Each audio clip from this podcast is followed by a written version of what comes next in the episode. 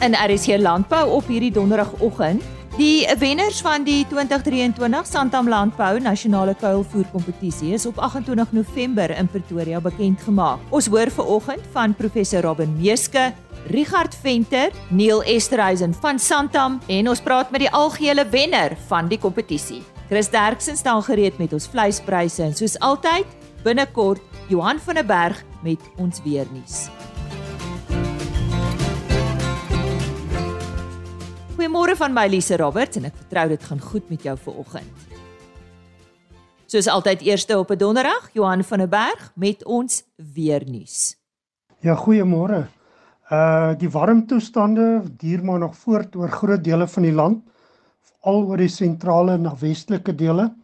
Die hoëdrukstelsel hier van die Atlantiese hoëdruk uit die weste domineer maar nog grootendeels die weer uh oor Suidelike Afrika veral oor die sentrale en westelike dele.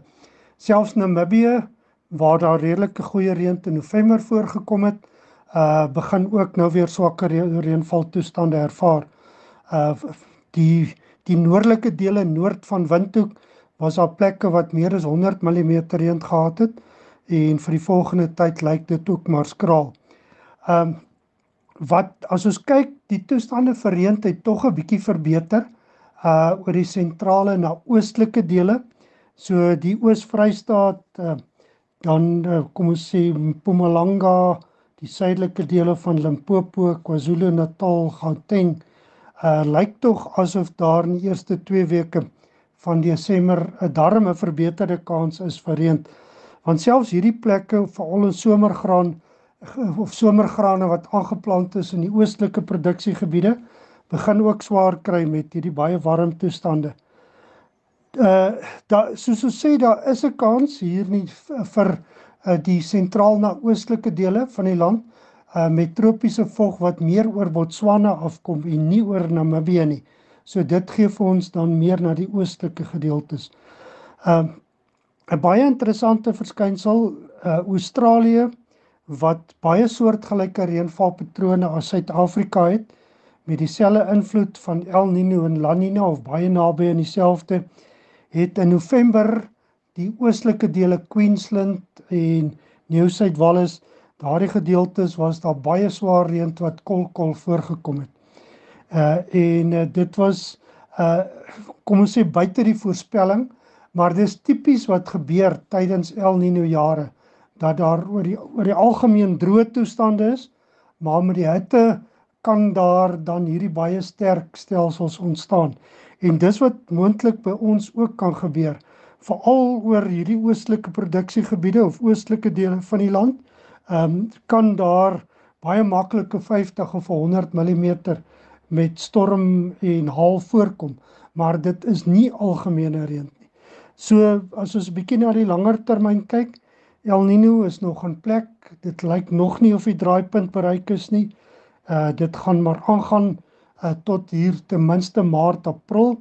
So uh ek het gaan kyk ook in 2015, 16 met die droë toestande wat ons ervaar het met El Niño uh was die grootste deel van van kom ons sê Desember uh tot Februarie selfs Maart het ondergemiddelde reën voorgekom.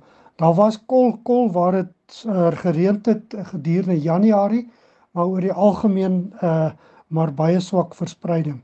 So ja, dit lyk of hier 'n bietjie verbetering is na die ooste kant toe, maar meer na die westelike dele waar daar nog baie baie min somergraan aanplantings gedoen is, uh lyk dit nog steeds nie gunstig nie.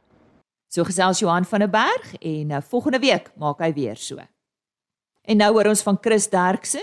Hy berig oor vleispryse wat hierdie week behaal is by veilinge in die Noord-Vrystaat.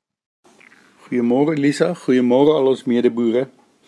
Ek gee graag vir julle ons markverslag van die lewende hawe vir die week van Woensdag die 6de Desember. En ons moet onthou histories is dit altyd ons twee beste weke van die jaar. Die pryse is op, maar dis ook maar nie wonderlik en die skaappryse is af wat regtig nie lekker is nie. Verder moet ons onthou beespryse styg as gevolg van die groot potensiaal vir uitvoere en een of ander tyd sal dit wel deurwerk. Maar die skaappryse is maar baie onder druk. en dit lyk daarom vir ons of die reën uiteindelik op pad is in ons wêreld. Maar gee vir julle die presiese pryse. Speenkalvers onder 200 kg het gegaan vir R39.50 per kilogram lewendig. Van 200 tot 250 kg R40.16 en ek kan amper nie onthou wanneer laas het ons R40 vir lewende hawe gekry nie. Dit is regtig 'n plesier om dit weer te sien. En dan oor 250 kg R35.15. A-klasse was R29.10 per kilogram. Vetkoeie R24.48 per kilogram en markkoeie R20.55. Dis die rede is mense koop nie eintlik markkoeie hierdie tyd van die jaar veral nou dat dit so bietjie droog is by ons. Slagbulle was R26.60. En dan soos ons julle gesê, die skaapmark is maar ernstig onder druk. Stoorlammers R37 presies. Slaglammers R36.67 en ons hoop tog die mense koop teen hierdie pryse genoeg skaapvleis vir Kersfees en stoorskape R29.20. Vetskape R31.21. Vanaf die bokmark lammetjies R49.80 en ooe R39.27 per kilogram. En dan wil ek daarom net vir al die boere dankie sê wat so gesimpatiseer het met my met my vir my frustrasies laasweek met die brande en die diefstal. En dan tweedens is ons simpatie by die boere van Brei wat weer 'n groot uitdaging het. Die stem daarvan, Chris Derksen. Plaas Media vier vanjaar 'n hele 10 jaar van sy Santam Landbou Nasionale Kuilvoer kompetisie en het tydens 'n spesiale geleentheid in Pretoria op 28 November die wenners in die 2023 kompetisie aangewys.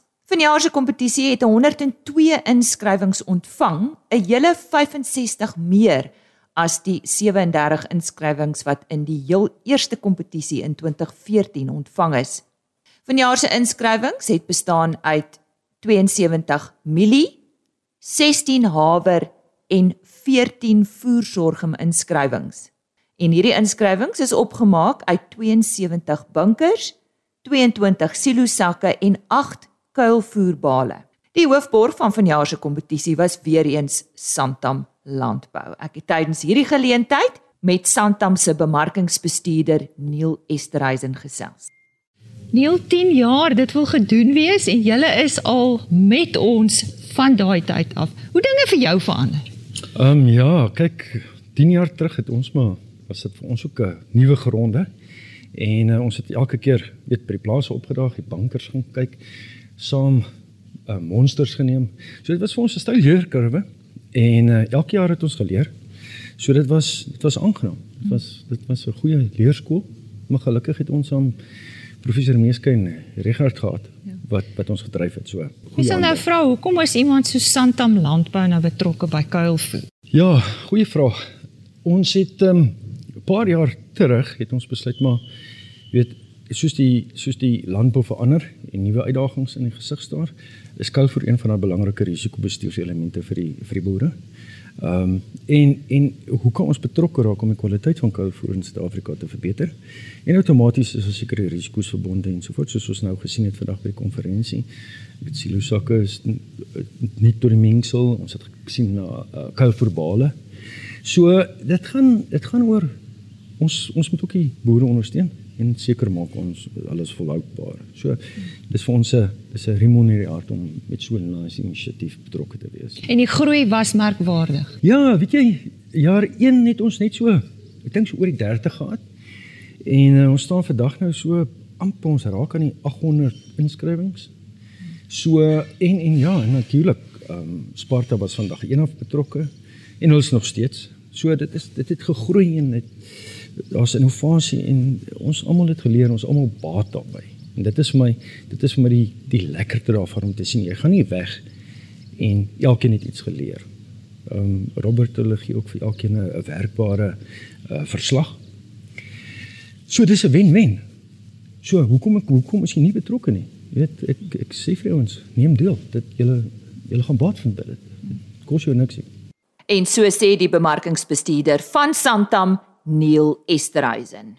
Professor Robin Meeske van die Wes-Kaapse Departement van Landbou se Outeniqua Navorsingsplaas en voorsitter van die protokolkomitee. Ek het hom oor die kriteria uitgevra, sy algemene terugvoer gekry en soos hy sê, hierdie is nie net 'n kompetisie nie.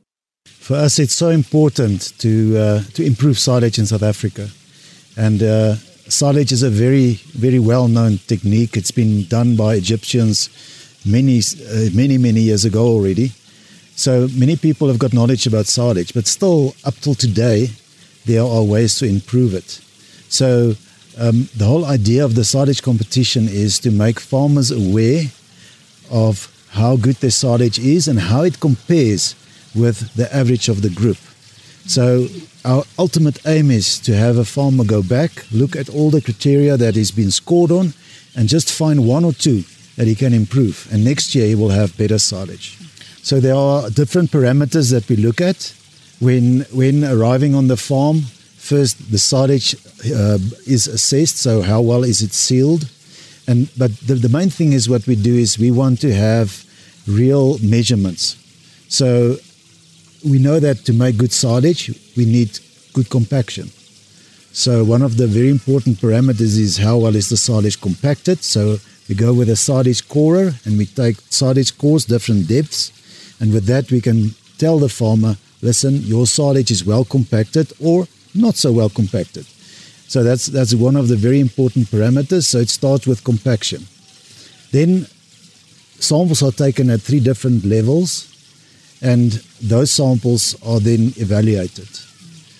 Um, so, uh, one of the very important things is, of course, the, the nutrient composition of the silage, and we must start with the start. We start with what is the dry matter content. So, was the silage cut at the right stage? So, there's no question about it. With maize silage, we're looking for a dry matter content between 35 and 37 percent. So, if you make maize silage and your maize silage has got like 25% dry matter, it's a big, big problem because you're losing a lot of yield and you'll have silage of inferior quality.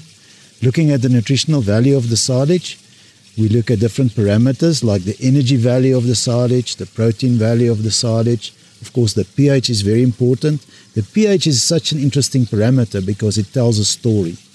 Because when you when you harvest a crop on the field, it will have a pH of six, and now these microorganisms must break must must use sugars and produce lactic acid to bring down the pH.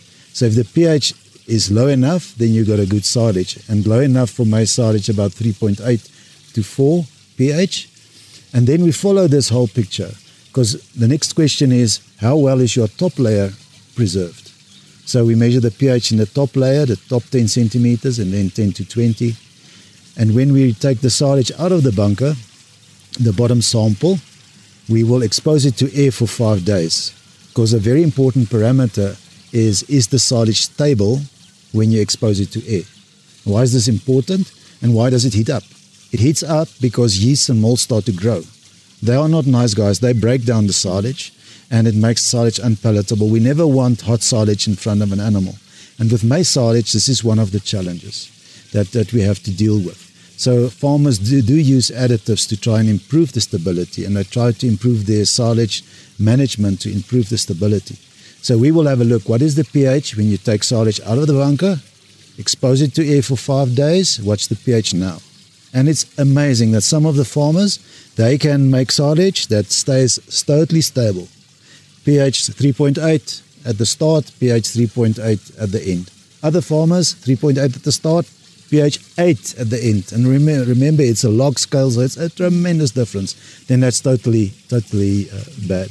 Yeah, so the nutritional value then very important, how stable the silage is, how good the compaction is. Then also chopping is very important. So we, we measure chop length. And um, also we use the Penn State separator. It's a box system where you can separate different particles. So we can tell the farmer, listen, your silage is not chopped well enough and the farmer will get feedback and say, okay, I'm okay with chopping or not. Mm. So, so that's a, a very important parameter. So how did our farmers do this year?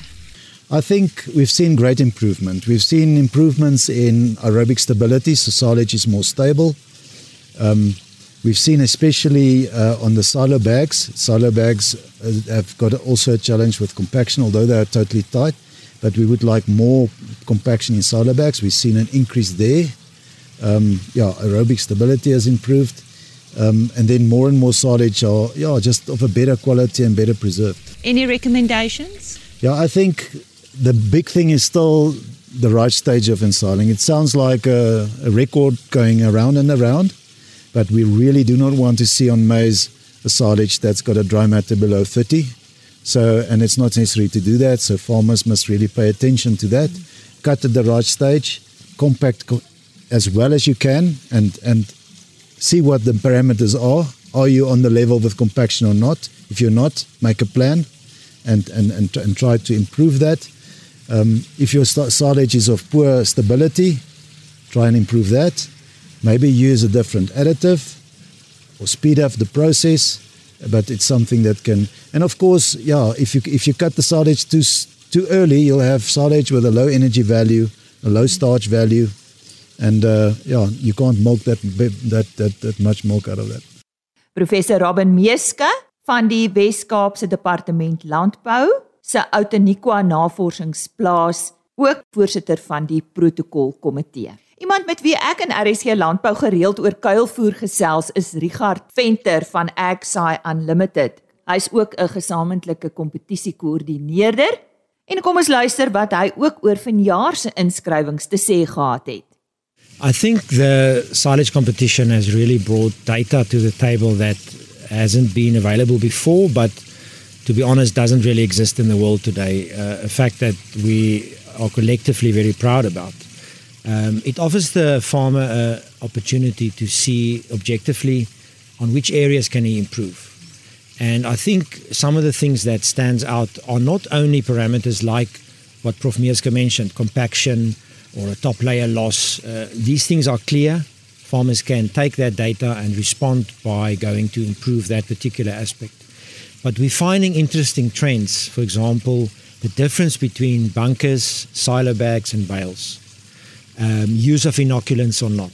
These things are really telling a completely different story about overall efficiencies, and I think this is invaluable to the industry. Talk to us about the categories again and the way of making silage. It's uh, there's not only a bunker yeah. or, or, a bag. So, of course, traditionally silage are made in bunkers or, or buns, or, which is called, also called drive over piles on top of the ground.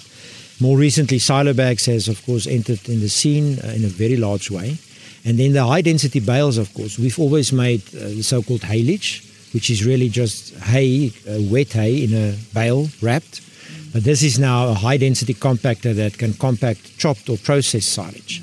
All of these categories are handled in the competition. We will sometimes we'll pool them and we'll just make slight adjustment for compaction, for example.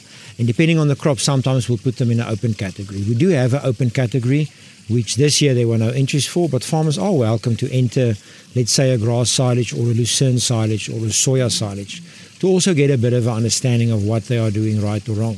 The real value, of course, lies in the main categories the maize silage, the sorghum silage, and the oat silage where we have the biggest data sets.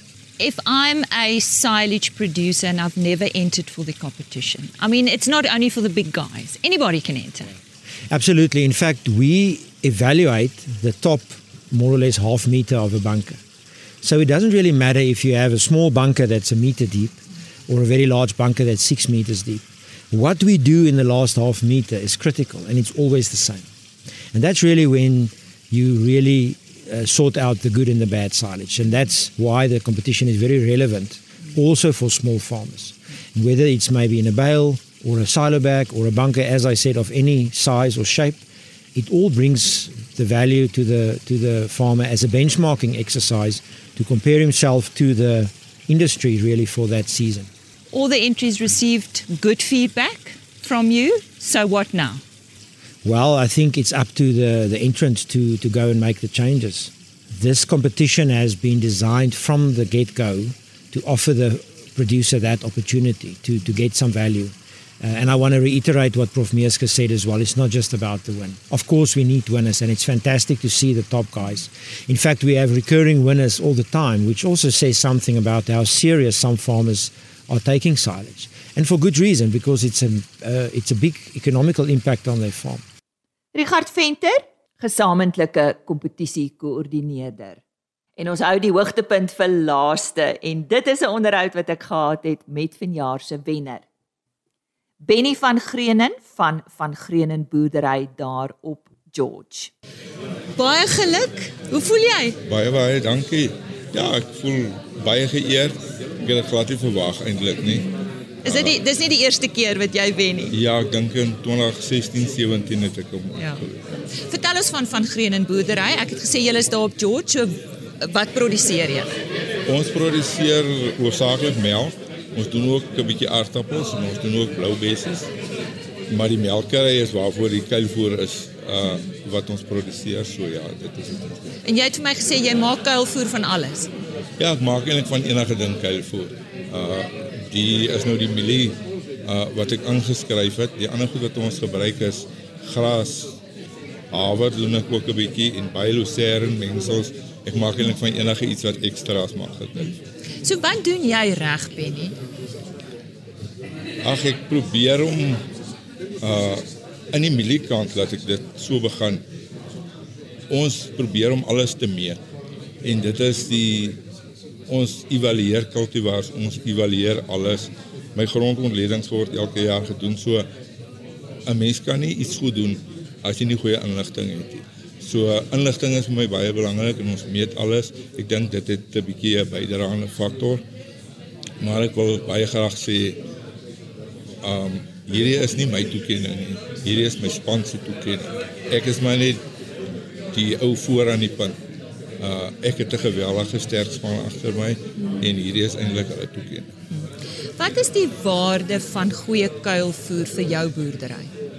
Vir ons boerdery is dit baie belangrik want ons melk eintlik hoofsaaklik van gras, so ons wy uh die meeste kos van die land af, maar in die wintermaande as die gras te min is wanneer die son te min skyn, dan moet ons ekstra voer gee. En dit help jy baie goeie gras en die tyd wat jy moet aanval dan het jy swak kwaliteit nie. So daarom is dit krities belangrik dat dit goeie kuilvoer is wat jy vir jou koeie gee. En jy het seker al terugvoer gekry oor jou 'n poging van die jaar. Is daar iets wat jy gaan wil verander? Ja, gaas altyd baie om te verander na die kongres vandag. Is daar maar nog altyd 'n paar goed. My seun was hier saam met my gelukkig vandag en die jong generasie moet leer. So ek en hy sal nou al die goedjies wat ons dink wat ons nog kan verbeter, sal ons probeer aan ander gee. En gaan jy volgende jaar weer inskryf? As ek dink ek het kuilvoer wat goed genoeg is, sal ek weer 'n kans hê. Ja. Kimmen was ook eh, die mense wat jou ingeskryf het. Watter waarde het hulle vir jou? Hulle het 'n baie groot waarde vir ons. Hulle help my met ontledings van my kuilvoer. Hulle help my regtig om uit die boks uit ook te dink aan inokulante in sekere tye van die jaar wanneer ons baie nat gras maak. Dan is dit ook nogal om die Engelse woord te gebruik 'n groot challenge. En dan dink hulle 'n bietjie uit die boks uit en help my 'n bietjie om dit ook te verbeter. So hulle het 'n baie groot waarde en ons gebruik hulle ook in die voere wat ons in die stal gebruik, gebruik ons ook van hulle produkte. Om in te skryf vir 'n kompetisie soos hierdie, is dit vir jou die moeite werd? Wat dit vir my die moeite werd maak is om aan die een kant daarom op te weet dat ek kompeterend goeie kuilvoer kan maak, dat ek nie 'n gemors maak sonder dat ek dit weet nie. 'n Mens sien dit altyd in die melkproduksie, maar mense wil as jy dit kan meet waar net toe begin het, ek wil graag al meet. So dit is ook 'n meetinstrument wat iemand ontwikkel het wat Prof Meeske en Richard ontwikkel het om vir ons boere dit te meet. Uh om dat ons weet hoe goed is ons kuilvoer of hoe, hoe sleg ons kuilvoer en waar daai meetinstrument van hulle sê ook vir jou waar het jy gefaal? Het jy te swak gekompakteer of het jy te vroeg gesny of het jy wat ook al? So ek dink dit is 'n baie groot waarde. So dit gaan nie eintlik vir my oor die kompetisie nie, is gaan ook vir my om 'n bietjie terugvoer te kry en dan kan ek teruggaan vir die volgende seisoen en sien waar kan ek verbeter. Die 2023 Santam Landbou Nasionale Kuilvoer Kompetisie wenner Benny van Greenen van van Greenen Boerdery daar op George. Baie geluk. Dis dan my kuier saam met jou vir vanoggend. Dankie vir jou tyd. Laat dit met jou net goed gaan. Geniet jou naweek en totsiens. RSG Landbou is 'n plaas media produksie met regisseur en aanbieder Lisa Roberts.